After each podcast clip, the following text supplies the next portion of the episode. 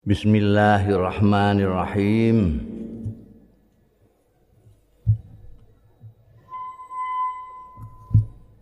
Qala al-muallif rahimahullah wa nafa'ana bihi wa bi ulumihi fid dharain amin.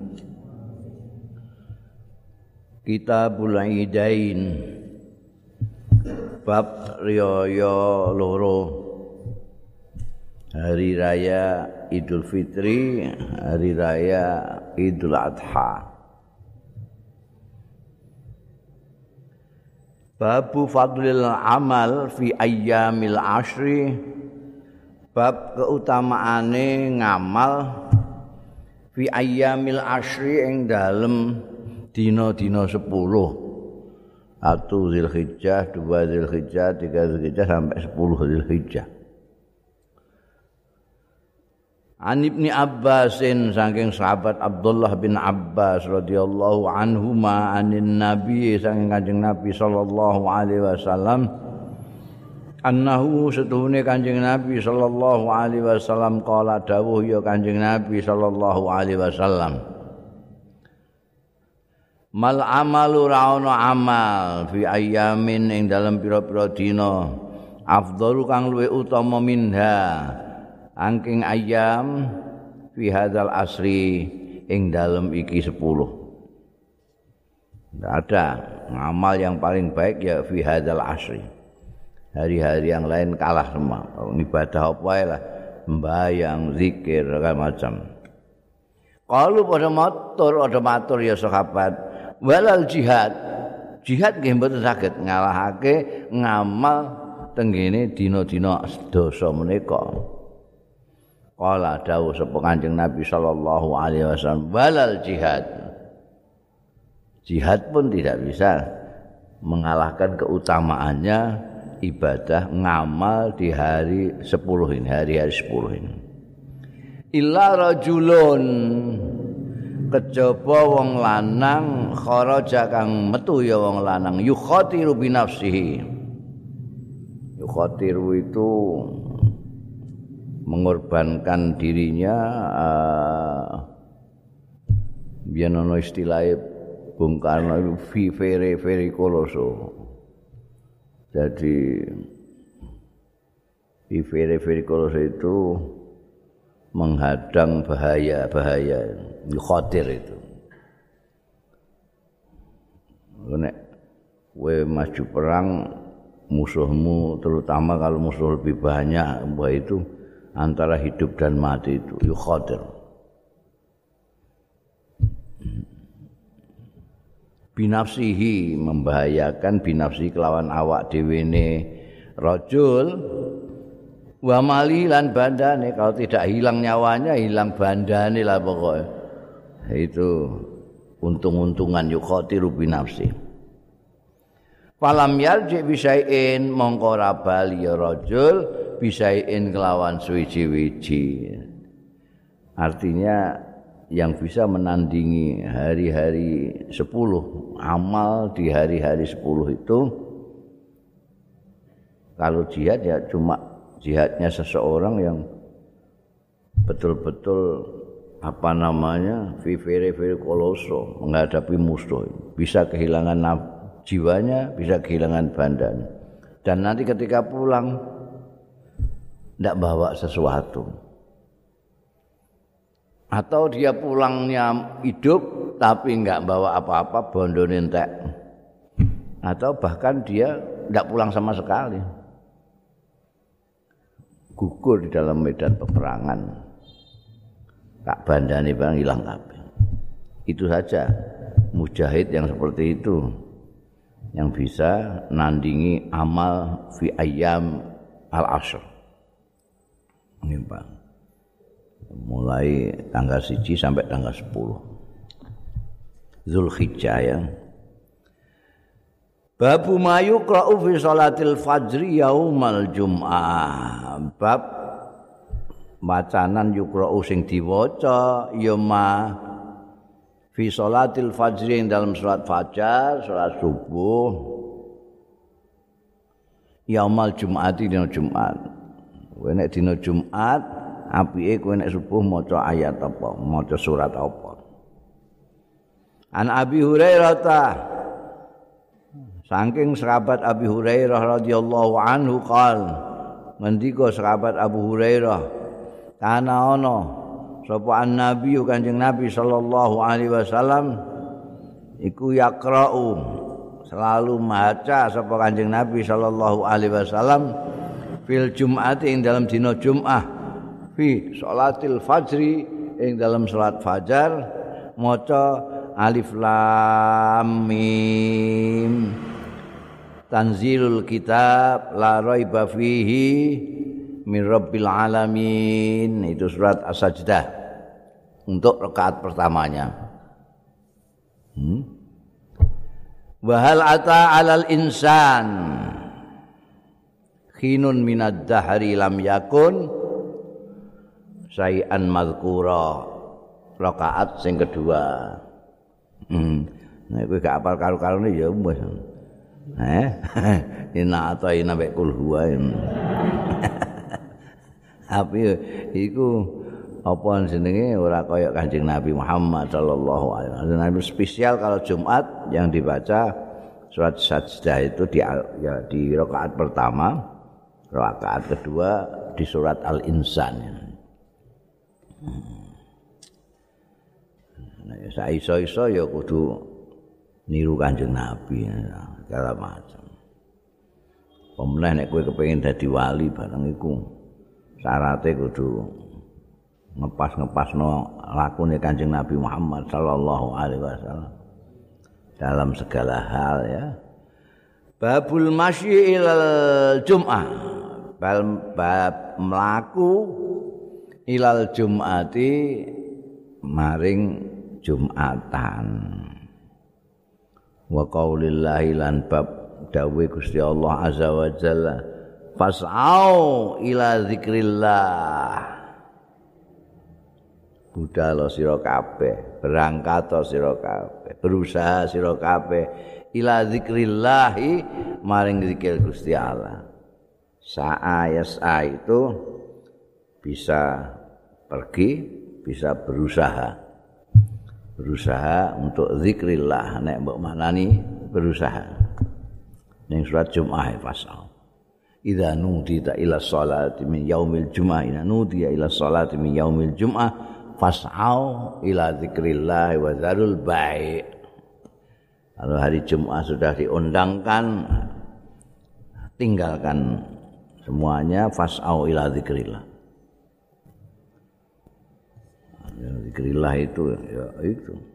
Bayang jumatan itu. Wa man qala asyul al amal wa zahab juga bape wong sing ngendikakno berpendapat asyu iku al amalu wa zahab ngamal berbuat wa zahab lan pergi. Dan fas'au ai is'a wal idhab wa'mal ila zikrillah. Sing ngendikakno manane sa'yu itu al amal wa zahab. Berbuat dan pergi. Pergi ke mana? Ila zikrillah.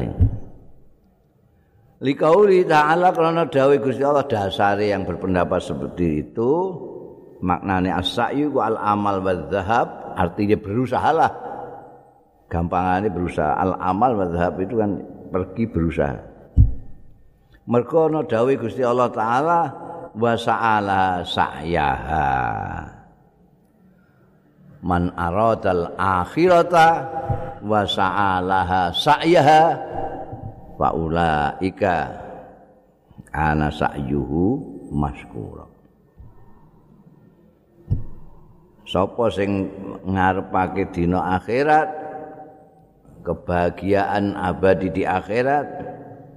Wasa'alan berusaha laha kanggo akhirat. Sa'yaha kelawan sak bener-benere usaha akhirat. Paulaika mongko wong-wong sing ngono mau ana sa'yu. Ana apa? Usahane maskuron ya. Ini surat Isra. Jadi sa'a itu maknane ning kono berusaha. Berusaha itu amal wa zahab. Kayak tengok-tengok itu gak sae gak berusaha kok tengok-tengok. Berusaha golek rezeki mangkat. Mara nyambut gawe ning ngene asar kono. Wa Ibnu Abbas, Abdullah bin Abbas yang terkenal sebagai mufassir sahabat-sahabat yang ahli Quran itu ya. Ibnu Abbas.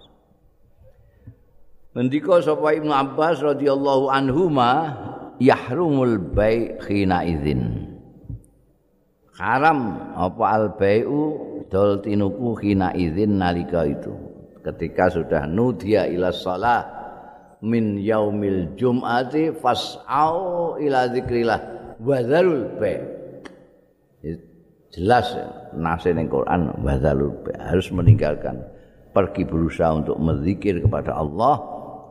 Sesuci wudu marang masjid sampai turute dan tinggalkan dol tinuku pada saat-saat itu kan siang begitu itu biasanya wong lagi apa sibuk-sibuke berdagang itu. Tapi kalau dari Jumat didawi fasau ila zikrillah tinggalkan itu. Mulane mufasirnya sahabat yang terkenal Ibnu Abbas mengatakan haram. Pada saat itu dol tinuku haram qala ata wa ata onan dau sapa Imam Ata tahrumus sinaatu kulluha. Malah tidak hanya be seperti yang didawuhkan Ibnu Abbas Imam Ata mendawuhke nek tahrumu haram apa asinaatu? Gawean apa ae? Kuluh. Sekabehane kuluha sekabehane sinaat ora mok dol tinuku. Nukang apa kowe pokoke gawean itu segala macam. Kowe lagi nyambut gawe apa? Batik apa lagi en dandani sepeda motor nih bengkel tukang tapi tulis segala macam lah. Kegawean-gawean toko tapi tutup apa haram nek ngantek melakukan sinaat itu. Tidak hanya baik saja. An Ibnu Umar saking sahabat Abdullah bin Umar radhiyallahu anhuma kala ngendika sapa bin Umar nahan nabiyyu ngelarang sapa Kanjeng Nabi sallallahu alaihi wasallam. Ayuki marrajulu. Yen to ngedekno sapa ar-rajul wong lanang akhahu ing dulure rajul min maq'adi saking palungguane akhahu. Wa yajlisu lan linggih ya rajul fihi ing dalem maq'adahu. Kauleh ya mentang-mentang kowe luwih gedhe wancamu jae nyingkrih. Nek mbok ndeh nggone mbok linggahi ngono eh ning masjid ana panggonan strategis biasane strategi nek Jumat iku ning Sandik Soko ngono nek ngantuk-ngantuk dadi solendenan. ning kono wis dilinggahi karo kancamu. Ngadeg-ngadeg. mbok dekno mbok kon ngadeg perlune ben mbok linggahi kowe. Gak oleh dilarang karo kancamu. Sampai segitu kanjeng Nabi ya apa namanya mengatur jangan sampai terjadi friksi-friksi di dalam masyarakat sampai ada larangan seperti itu. Nek ning gone kene mungkin ndak terbayang. Nek ning gone Arab kan iku sering ngono iku makan padha karo wong miyak. Ndase wong kok ning kene gak ono. Ngene kono nek nek kowe umrah atau haji ngono siramu pan dikenek-kenekno wong.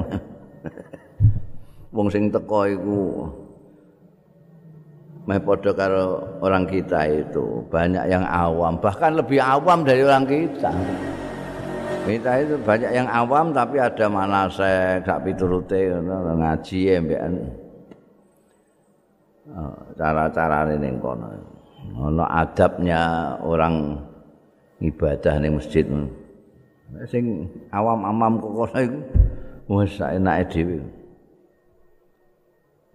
miyak sirai wong ngendeh wong itu. ngendek. Ndikne kepengin ning gone ngarep tapi ndikne tekan ning guri. Ngono iku wong sing wis ning kono iku. Iku dindeh, jika kon disongkol-songkol. Dan awakmu cilik langsung mencetat. Iku lakon. Kanjeng Nabi Muhammad sallallahu alaihi wasallam ngantek nglarang wong ngedekno wong ameh ngendeh linggiane.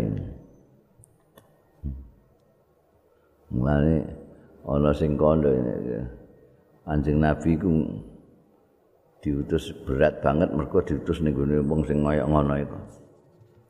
Kok diutus ning Indonesia rada enteng mungkin. Eh, wong kan nurutan, gampang ngono Indonesia iku. Kandani barang manut ngono. Ini jamaah haji Indonesia terkenal ini. Paling apik dhewe sak donya. Ya manutan. manutan mbah mergo wedinan mbek askar wedinan penciringi ngono lunga dhewe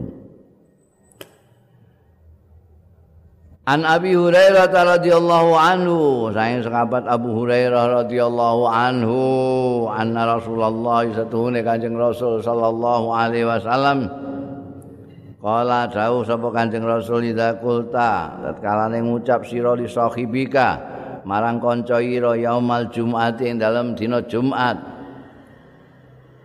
Ansit muni wis meneng. Rungokno. Perhatikan. Wal imam khali utai imam iku yahtu bulake khutbah fakat lagaut. Monggo teman-teman lagaut. Lagaut iku musprosira artine wis Kak Jumatan kowe iku sembahyang dhuwur ae. Sembahyang Jumatmu enggak jadi, laga itu enggak jadi. Iki sing kawene diwaca karo Bilal-Bilal ini. Tapi wong nek maca ambekan dilagokno dadi ora ketok kaya eh kaya larangan. La kumtali sahibi kansin. Wal imamu ya tubu waqat lagon. ansitu ansitune Dik ini sing muni ansitu, wong-wong gak oleh muni ansit. Ida kul tali soki baka ansit. Bilal itu sing entuk. Nek bar muni iki terus ansitu asma'u Eh? Ansit itu artinya perhatikan. Imam khutbah itu aja anu. Sing ngomong-ngomongan iku ya lago sing ngelokno mergo ngomong juga lago dadi piye meneng ae? Ngono ae. Nek ngantek muni ansit wis lago ya iku apa jenenge ngaturan sampai detail gitu itu ngantek ora mudeng ya keterlaluan ya wong-wong. Babu takbir ayyam mina wa idza gada ila arafata. Bab takbir ayyam mina ana ing dina-dina mina. Wa idza gada lan bab nalikane isu-isuan ya wong ila arafata marang arafah. Jadi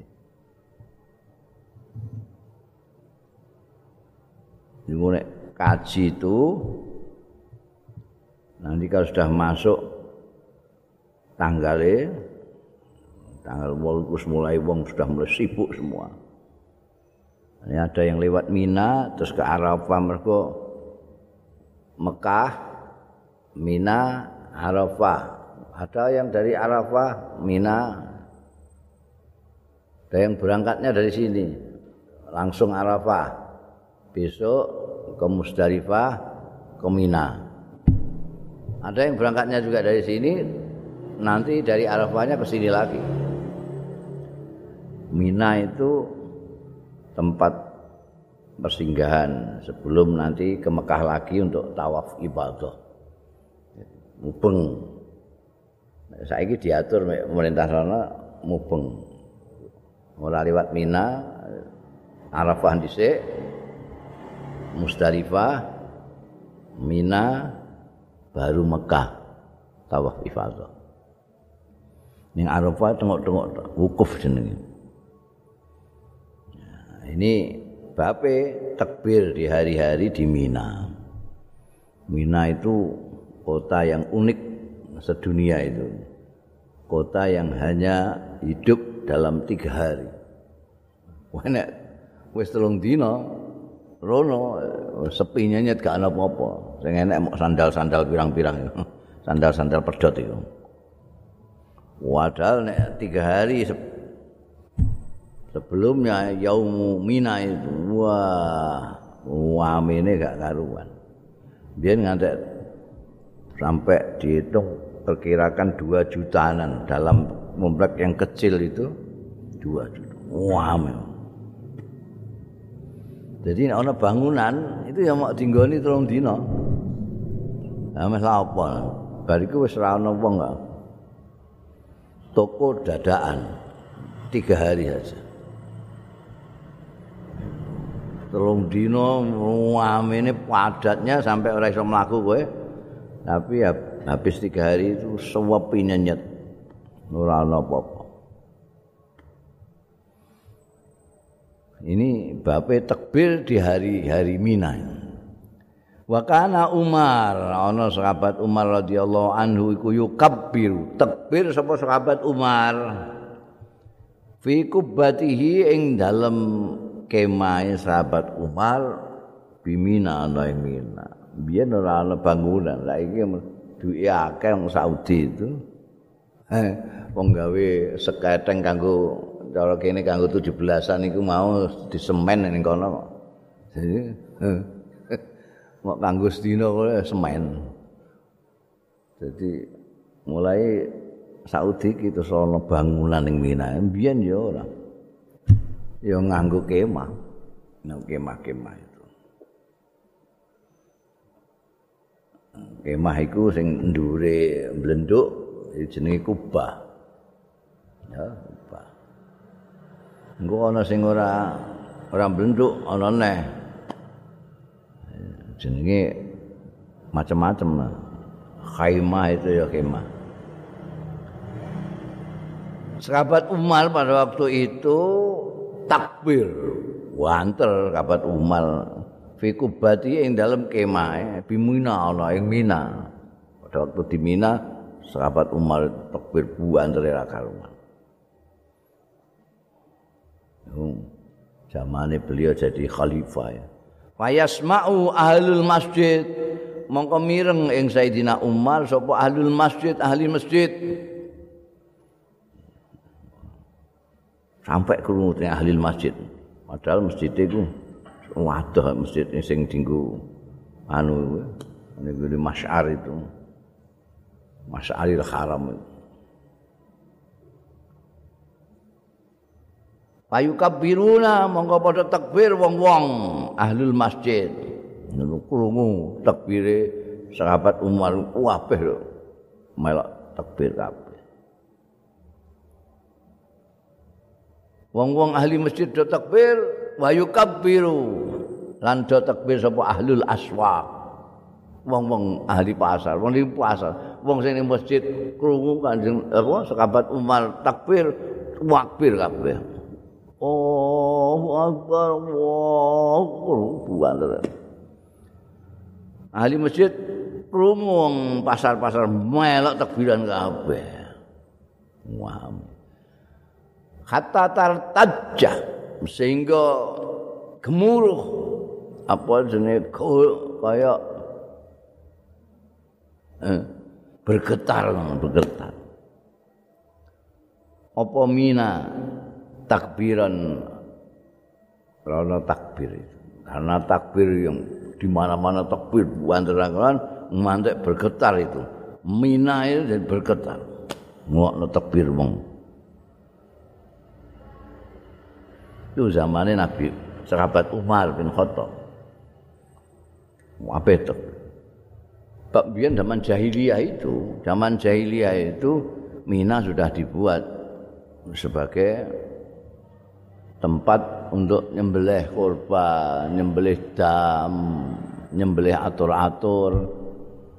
Itu Mina. Karena apa jenenge? Musim haji atau saiki istilahnya festival itu.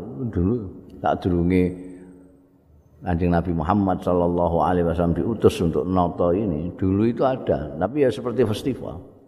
Sekarang kan ibadah. Dari dulu sudah ada. Orang ngitari Ka'bah terus riwariwi sa'i marwah itu ono karena itu tinggalan sudah zaman Nabi Ismail, Nabi Ibrahim, Nabi Ismail. Lawas lah. Tapi ya sudah karena sudah lawas ratusan bahkan ribuan tahun jadi wis kacau ngono sing tawaf sak enake dhewe tawaf mbek keplok-keplok tawaf mbek udo segala macam iku ngono tawaf mbek ngendong brahala nanti juga akan apa ning Mina Ya nyembelih kaya zaman saiki ngono dan nyembelih korban. Eh mereka ber Bismil hubal, bismillah ta, ngono buan. Do ngundangi brahalane dhewe-dhewe, sesembahane dhewe-dhewe. Mane bareng Islam itu wah takbir Allahu Akbar banter-banteran. Kaya wong iso nglalekno tradisi zaman jahiliyah.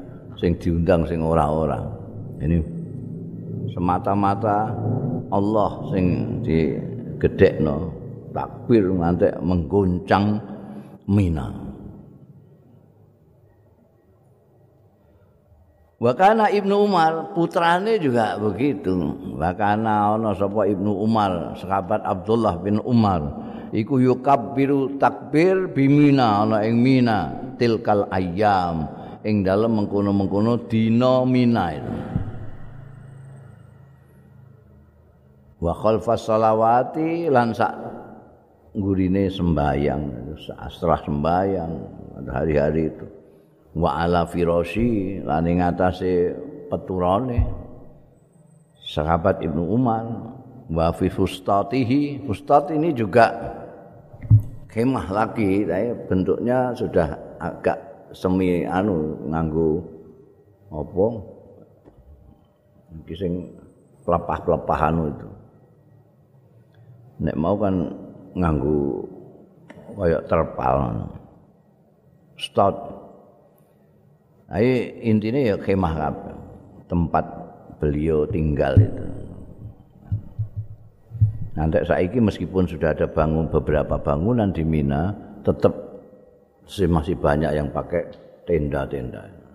Sekarang modern tendanya apik banget. Anti kebakaran banget. Itu sahabat Ibnu Umar itu takbirnya di Mina itu ya selama di Mina takbir terus. Itu tadi. Supaya orang lupa dengan tradisi Mina ketika zaman jahiliyah. bar sembayang takbir durunge sembayang takbir ning peturon takbir ning kemae takbir wa majlisi gune majlise takbir wa mamsyahu ing dalam anggonan mlampai takbir takbir wame Mina iku amine mergo ora trimo akeh wong tapi takbir kabeh ana sing terbir, ana sing talbiyah. Wame. Wame tiga hari. Bariku semua pinyanyet. Tilkal ayam jami'an dalam mengkono-mengkono dina-dina mina jami'an sekabian. Kalau dari Arafah sakwise wukuf ning Arafah itu jamaah haji tinggal juga di Mina itu antara dua sampai tiga hari. Ada yang dua hari, ada yang tiga hari. Kalau ada nafal awal, ada nafal sani. Ning kono iku koyo dalan tok Mina iku dalane. Sret. Ini rene tekan Arafah, ini kan Mekah. Ning dalan iki iki ana Aqabah. Jumrah Aqabah, ana jumrah ula, musta itu. Iki setiap hari dilempari ke jamaah-jamaah itu. Besok ngono. Besok ngono. Bakali nyawat-nyawat itu. Balang jumrah itu. Wah, itu ambekan gembor-gembor, takbir. Allahu Akbar, Allahu Akbar. Wame.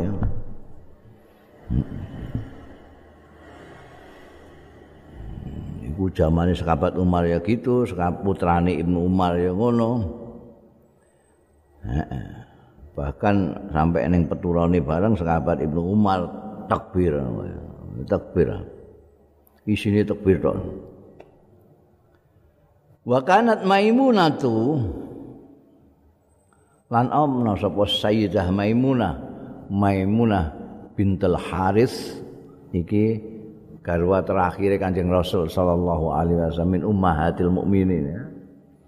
Garwa garwa terakhir terakhirnya Kanjeng Nabi. Itu juga begitu tukabbiru yauman nahr. Yauman nahr itu ya hari penyembelian. Kalau melihat amalia yang ada pada waktu itu disebut yaumun nahr. Kalau melihat tempatnya saja itu disebut yaumina, ayyamumina. Karena nyembelihnya di Mina itu.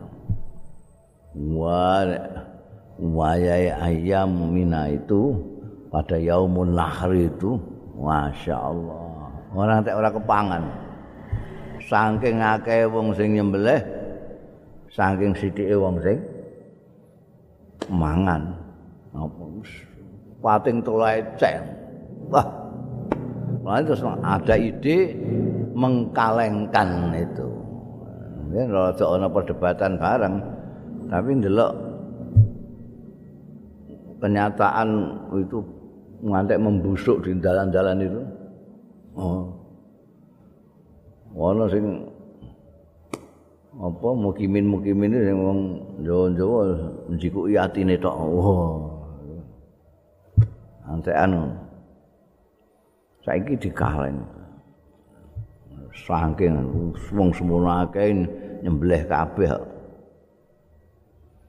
Nah, ana sing nyembelih mergo denda, ana sing nyembelih pancen atur-atur, ana sing mergo nyembelih korban, lha itu Walhasil pada waktu di Mina itu ada Yaumun Nahar penyembelian binatang sudah karu-karuan.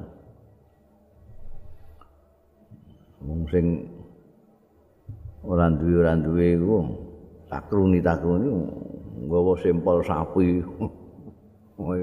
Pirang-pirang. Dikai ya mau ya blukek-blukek. Wa kanat Maimunah tukabbiru yauman nahr. Ya, disebut yauman nahr, hari penyembelihan itu. Wa kunnalan ana wong-wong wedok an-nisa'u, artine wong-wong wedok iku ya kabirna. Padha melok takbir ya nisa khalfa Aban bin Usman. Aban bin Usman ini putrane Sayyidina Utsman bin Affan ya. Asmane Aban. Bin Wah, dia anak jenak Aban, Aban bin Utsman.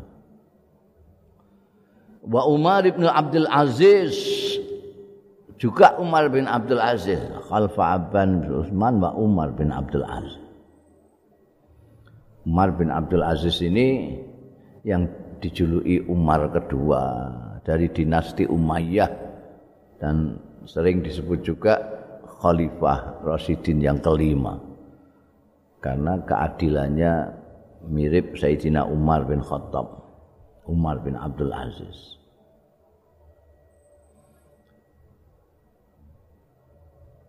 Pak Umar bin Abdul Aziz itu juga ikut memimpin takbir layali tasyrik pada malam-malam tasyrik.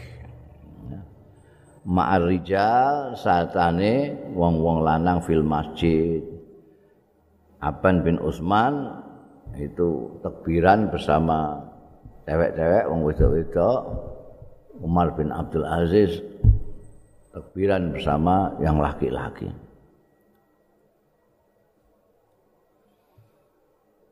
wame wame banget kowe kudu duwe cita-cita iku kaji mbah umrohmu nek umroh iku ya kowe mok dolan wisata. Mergo nek umroh ora ana balang jumroh barang ra ono.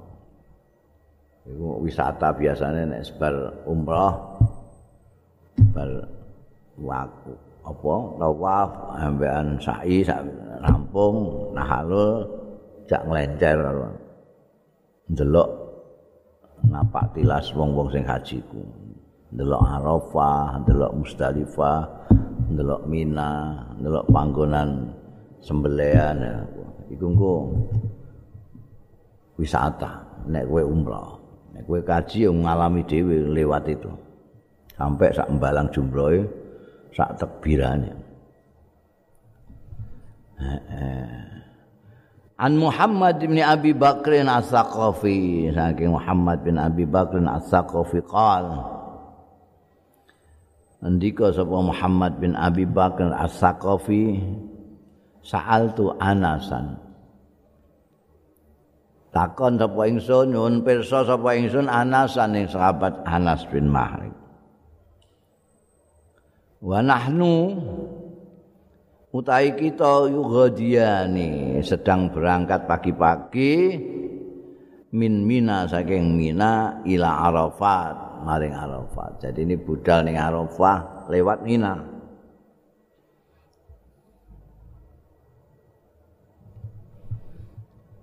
Beliau ini Muhammad bin Abi Bakar As-Saqafi bareng-bareng Mbak Anas dari Mina menuju ke Arafah. Di situ beliau bertanya anit talbiyati tentang talbiyah. Takoke piye? Kaifa tasnauna ma'an nabi? Karena Muhammad bin Abi Bakar ini tabi'i. Anas bin Malik sahabat. Jadi pertanyaannya Kaifa kuntum? Kepriye mbiyen sampean sedaya tasnauna damel panjenengan sedaya ma'an nabi sartane kanjeng nabi sallallahu alaihi wasallam talbiyah nek talbiyah sepundi jenengan nek jamane kanjeng nabi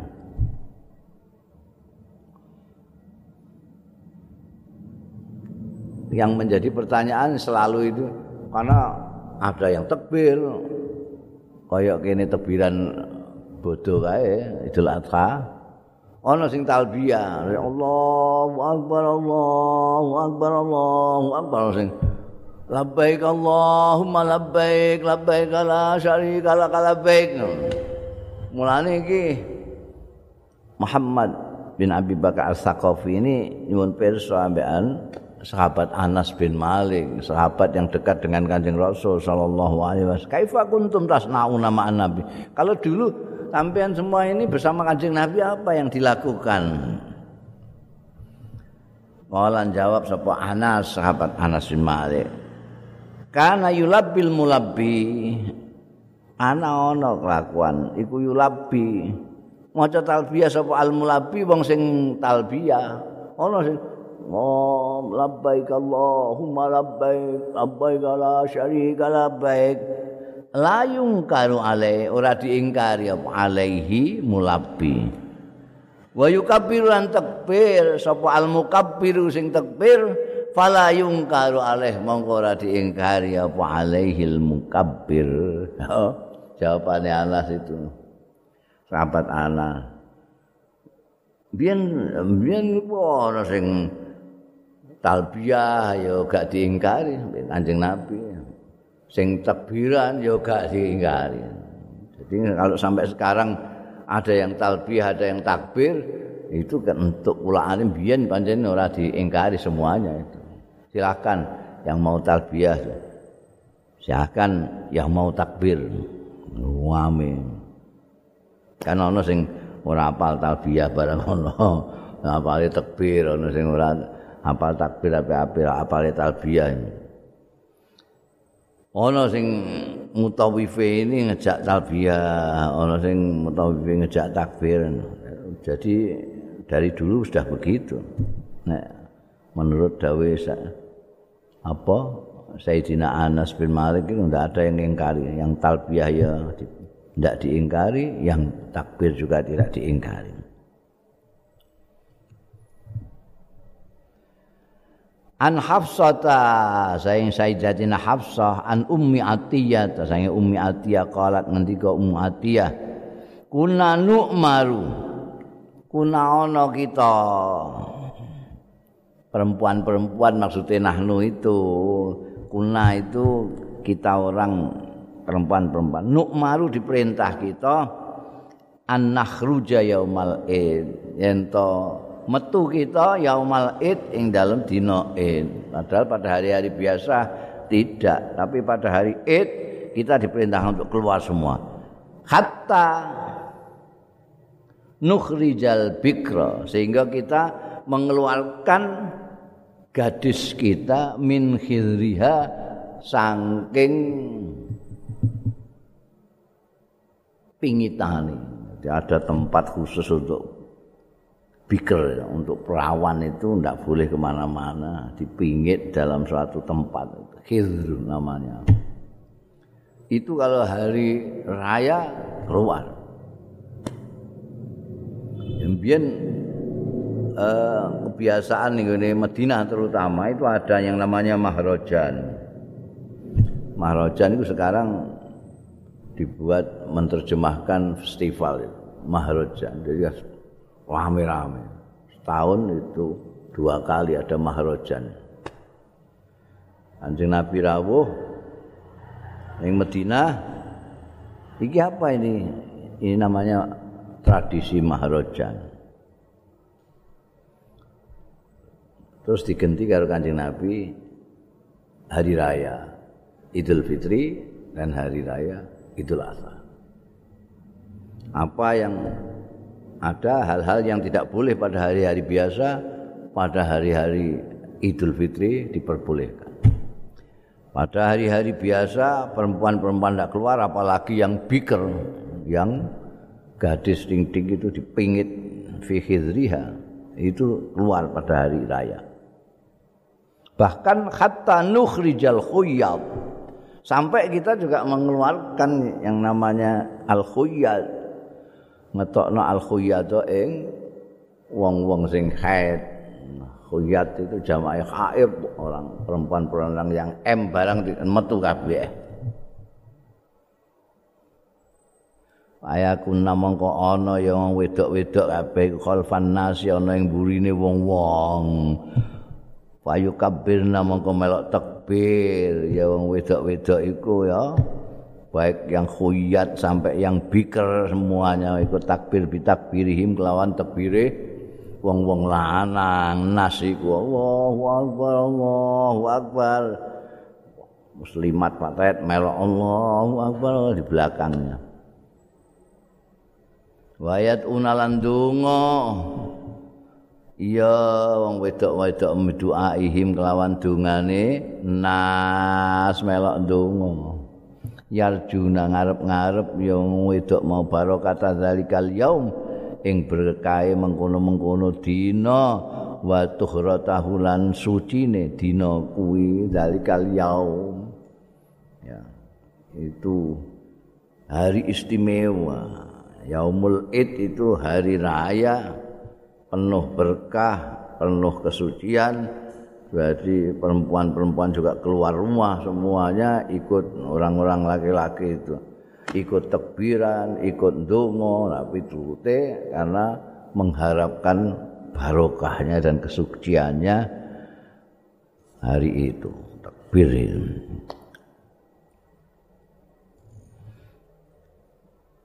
An-nafi'in saking nafi' Anibni Umar wah ini pas bodo Idul Adha ning gone. Ana ya wah masyaallah. Wamene gak ana tempat yang sepi enggak juga udara enggak pernah sepi dari tekbir wanter-wanteran tekbir sampai ental biaya saut-sautan wamene ra karuan eh an-nafi'in. Saking Imam Nafi' an Ibni Umar. Ini hadis yang dari Nafi' an Ibni Umar itu hadis istimewa Annan Nabiya setuhune Kanjeng Nabi sallallahu alaihi wasallam. Kana ana turkazu iku den tancepke apa? Al harbatu harba itu tombak pendek. Kayak kiai pleret. Kayak kiai pleret. Tombak yang panjang ramhu bahasa Arab ramhu. Ini harba itu yang pendek tapi matanya lebar. Nah ring romhu itu kayak lembing itu. Imbang lah antarane batangnya dengan nah iki gak pendek ini gede. Cucu eh apa yang tajam itu gede. Itu harba ditancapkan kuda mahu ono ing ngarsane Kanjeng Nabi sallallahu alaihi wasallam yaumal fitri ana ing dina fitir wan nahri lan dina nahr sumayu salli monggo kiri-kiri salat sapa Kanjeng Rasul sallallahu alaihi wasallam. Itu supaya orang tidak melewati ketika Kanjeng Nabi. Jadi kayak orang aku saja ada jadah zaman saiki ya wong eman-eman bathuke kena lemah. Ya men ora. supaya orang jangan sampai melewati tempat sujudnya kayak dari sana kalau mau lewat. Itu kan Nabi perhatian sekali itu. Jadi sembahyang apalagi pada saat apa? Itu kan tanggal 9 di Arafah hari raya tanggal 10 itu di Mina. Mung ndak karu-karuan. Wah. Ini enggak kok pasang ngono wabrake wong ngarep. Jadi pasang orang tahu itu lagi sholat.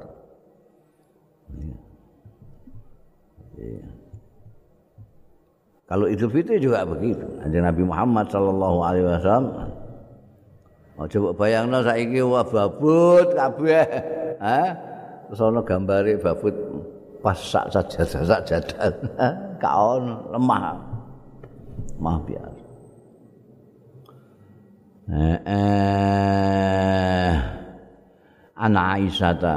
Laing Sayyidatina Aisyah radhiyallahu anha qalat ngendika Siti Aisyah dakhala alayya. Melebet alayya ing atase ingsun sapa Rasulullah Kanjeng Rasul sallallahu alaihi wasallam Yo kowe nek ning Madinah kono itu ada di apa? Di sampingnya Raudhah. Kowe engko ora usah tak kandhani wis roh ngono. Jadi tekan kono ya ngerti sing jenenge Raudhah endi.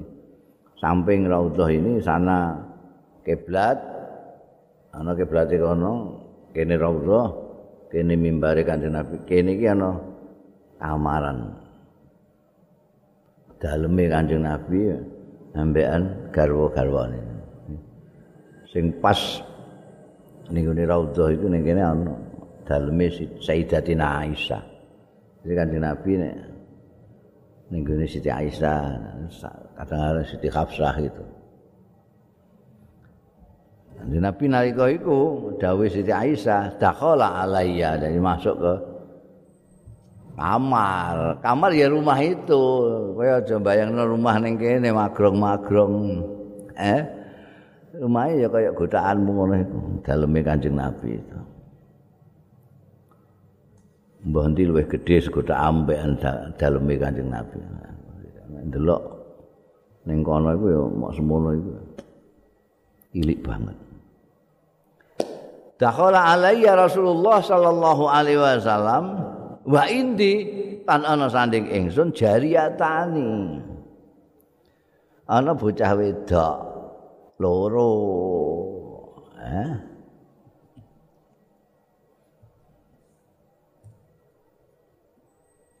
Awe tok loro iki lha apa?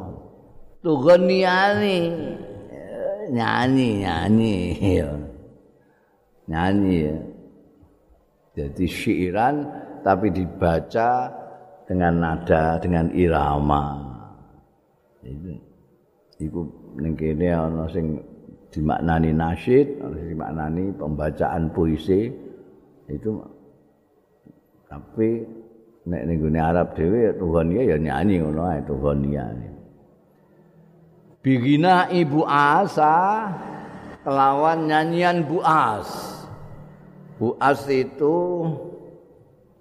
nama suatu benteng terkenal. Itu kalau sekarang namanya epic. Ya ada epic atau epos. Jadi cerita tentang perang Buas perang antarane kabilah Aus sama Khazraj perang itu dahsyat perangnya sebelum Kanjeng Nabi rawuh Khazraj sama Aus ini perang. Yang paling dahsyat perang Buas ini. Karena perangnya sampai 100 tahun lebih. Eh, bayanglah perang antek semono.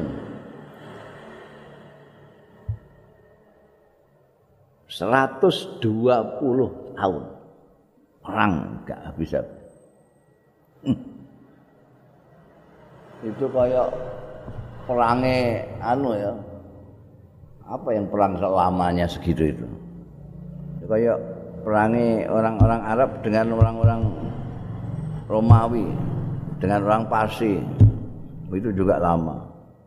Ini satu negara. Di Medina itu ada dua kabilah, dua etnis, dua suku yang besar, yaitu Aus dan Khazraj. Ini perang terus. yang paling dahsyat perang Buas ini. Perang sampai 200 tahun lebih. Itu kan dahsyat itu.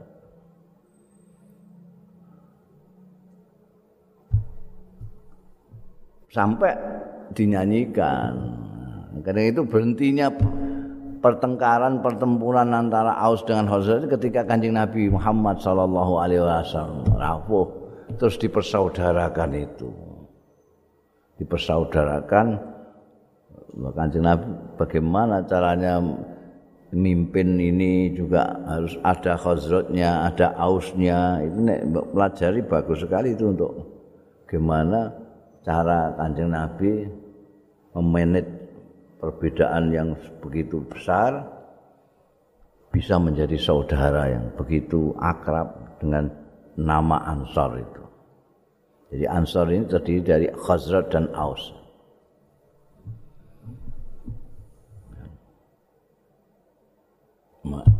Epos tentang Buas ini dinyanyikan. Dinyanyikan.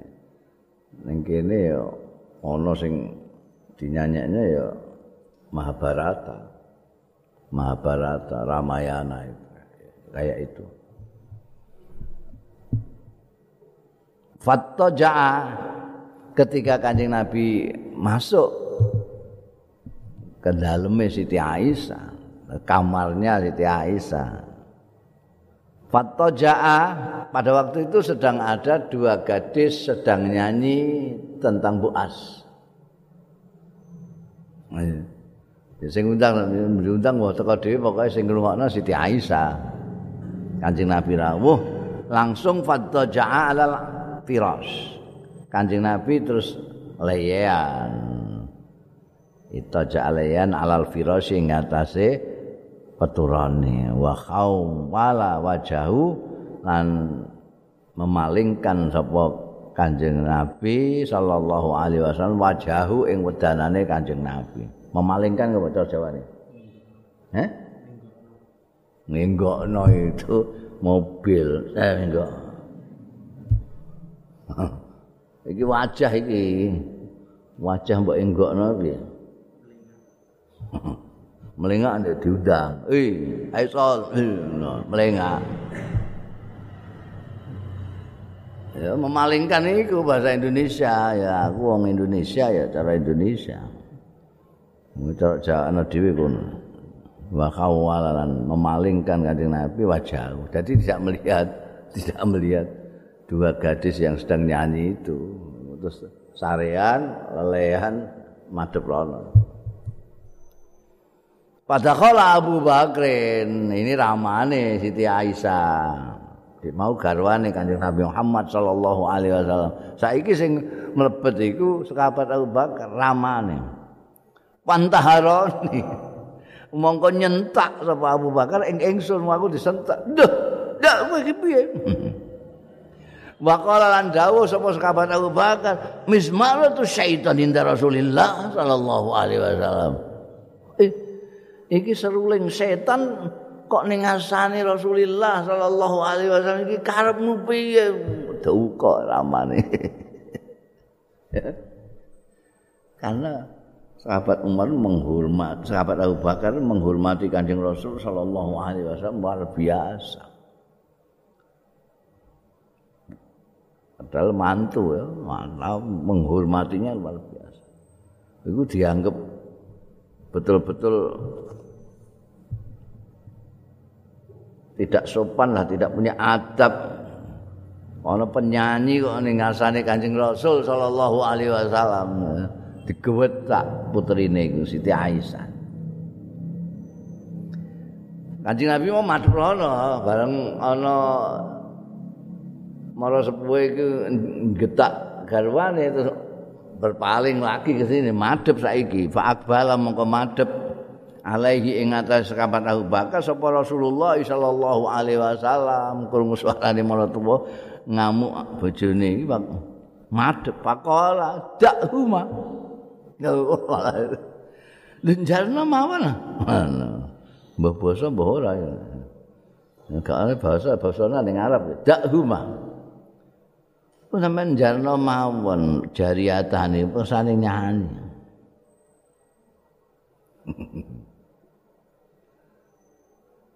api ceritane kudu api jadi ramane nengeni tapi ande nabi pirsa nengeni itu karena menghormati kanjeng rasul sallallahu alaihi wasallam. Wong nyanyi ngono kok ning ngersane kanjeng nabi itu piye karepmu piye? Kanjeng nabi malah madhep ning sahabat-sahabat wis jarno jarno. Falamma ghafala bareng ghafala iku talompe bahasa Jawa ana apa bahasa Indonesia ini apa talompe eh lalai kok gak ngeh? Jadi pas sudah tidak memperhatikan ghafala itu talompe tidak memperhatikan lagi itu enggak memperhatikan beliau Siti Aisyah ambekan cah wedok loro mau ketika ndak memperhatikan. Iki rujuke iso ning Kanjeng Rasul sallallahu alaihi wasallam iso Sayyidina Abu Bakar. Ketika mereka itu sudah apa namanya talompe itu enak. Tidak memperhatikan ketika sudah hendak ngeh hendak memperhatikan Humas tuhuma mongko aku ngedepi ngedepi ngisarai sapa ingsun ing jariyatani. Rumah saya itu pakai meripat ya bisa pakai oh. maksud maksudnya kan metu. Fakhara jata mongko metu sapa jariyatani mergo di isarai mau dikedepi karo Siti Aisyah mau ketika tidak memperhatikan lagi sahabat Abu Bakar atau kanjeng Nabi tidak memperhatikan dia terus ngedepi cewek loro mau supaya metu terus pakara jatah monggo terus metu sapa jariatani oh. wah itu wah hadis ini terus jadi bahan diskusi ramai sekali di kalangan ulama-ulama fikih ya.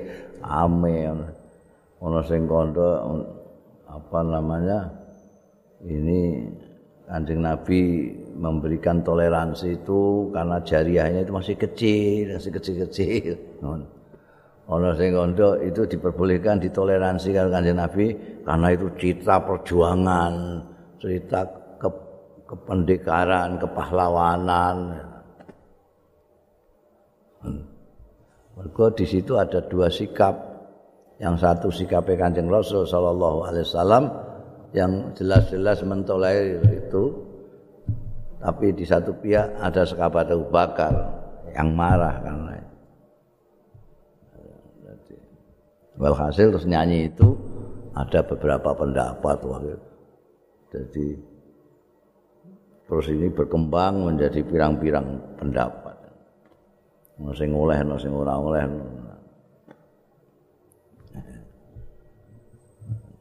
iku bab nyanyi. Yang melarang ya karena ada dawuh sahabat Abu Bakar oh, mizmaru syaitan. Itu mau mizmaru syaitan artinya ruling yang membuat lupa orang terhadap Allah. Karena setan penggaweannya memang begitu. Tapi ada juga sing kaya Imam Ghazali memperbolehkan nyanyian kawin wa kana yauma id yal abu sudan iki ada yang niku ne kitab liyane ana sing iki merupakan hadis lain ya ada dua hadis meskipun sumbernya sama dari Siti Aisyah, tapi ada dua hadis. Nek ning kene dadi siji. Mulane ulama-ulama berbeda pendapat, apakah ini memang hari itu terjadi dua hal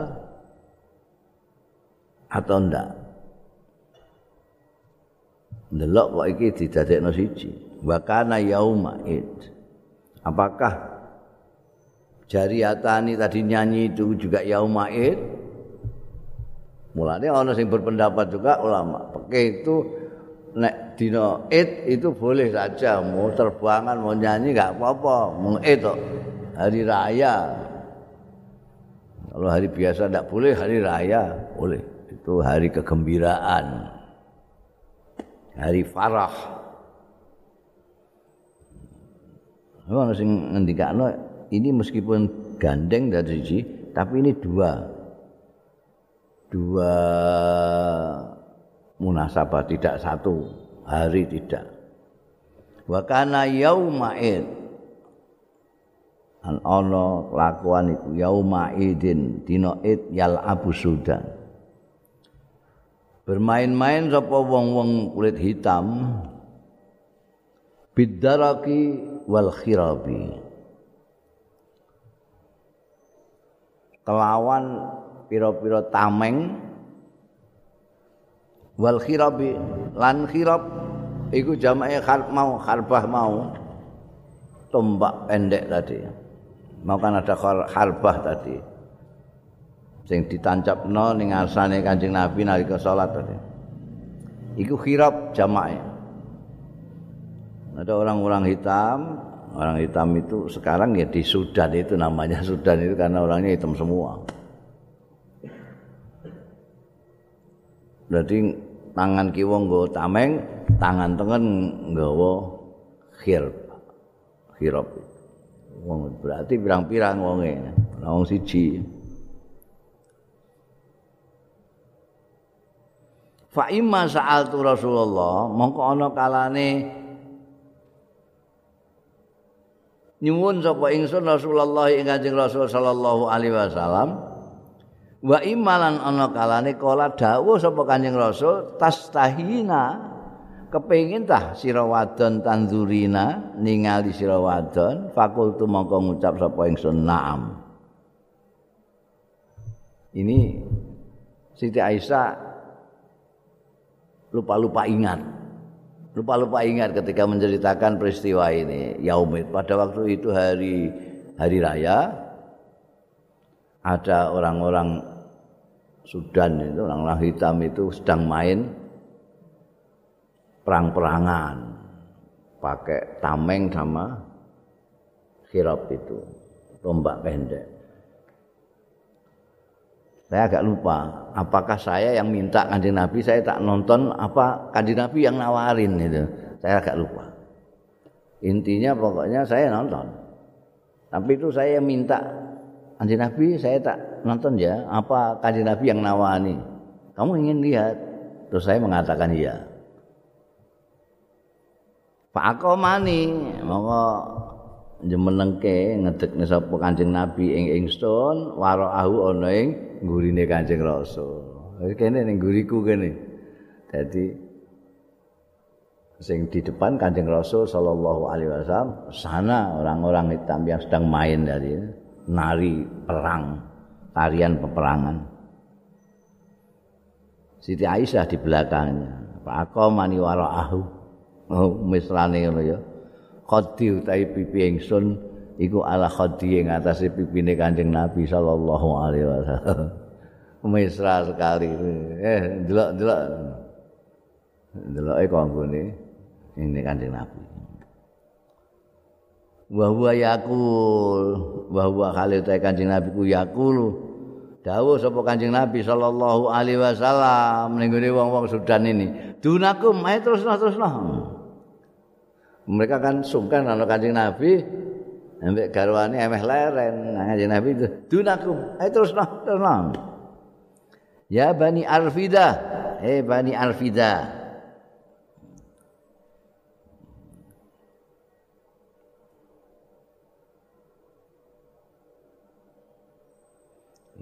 Bani Alfida itu julukane orang-orang yang Afrika itu, orang-orang kulit hitam itu.